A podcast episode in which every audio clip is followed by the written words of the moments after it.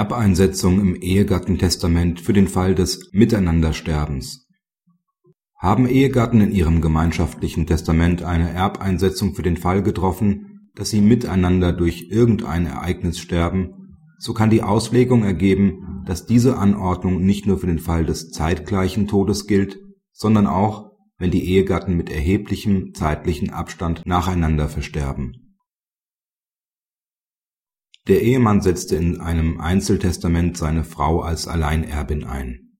Am selben Tag errichteten die Eheleute ein privatschriftliches Ehegattentestament, das mit den Worten Sollte es Gott dem Allmächtigen gefallen, dass wir beide Ehegatten miteinander durch irgendein Ereignis sterben, eingeleitet wurde. Weiter unten im Testament wurde der Text Bei unserem beider Ableben aufgenommen nach einem Monat errichteten die Ehegatten eine Testamentsergänzung, in der sich die Formulierungen nach unserem Tod und nach unserem Ableben fanden. Zum Zeitpunkt der Errichtung des gemeinschaftlichen Testaments war der Ehemann 73 Jahre alt und an Krebs erkrankt. Die Ehefrau, die lange nach dem Ehemann verstarb, war 20 Jahre jünger. Im Erbscheinsverfahren war streitig, ob die Ehegatten mit der Anordnung miteinander durch irgendein Ereignis sterben, nur den Fall des gleichzeitigen Versterbens regeln wollten. Das OLG München sah das Testament als auslegungsbedürftig an, da es keine eindeutige Aussage dazu enthält, ob es nur für den Fall des fast gleichzeitigen Versterbens gelten oder allgemein die Schlusserbfolge regeln sollte.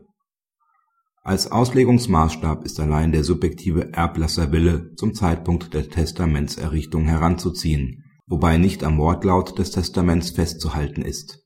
Vielmehr kommt es auf die gesamten Umstände des Einzelfalls an.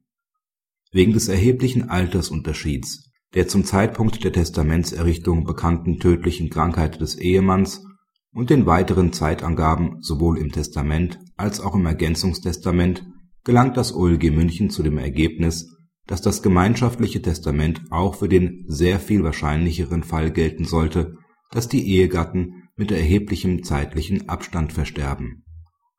Die Eingangsworte sollte es Gott dem Allmächtigen gefallen sind dahin zu würdigen, dass diese Ausdruck des Glaubens der Testierenden ist, nicht aber Hinweis auf ein außergewöhnliches Schicksal, nämlich das des gleichzeitigen Todes.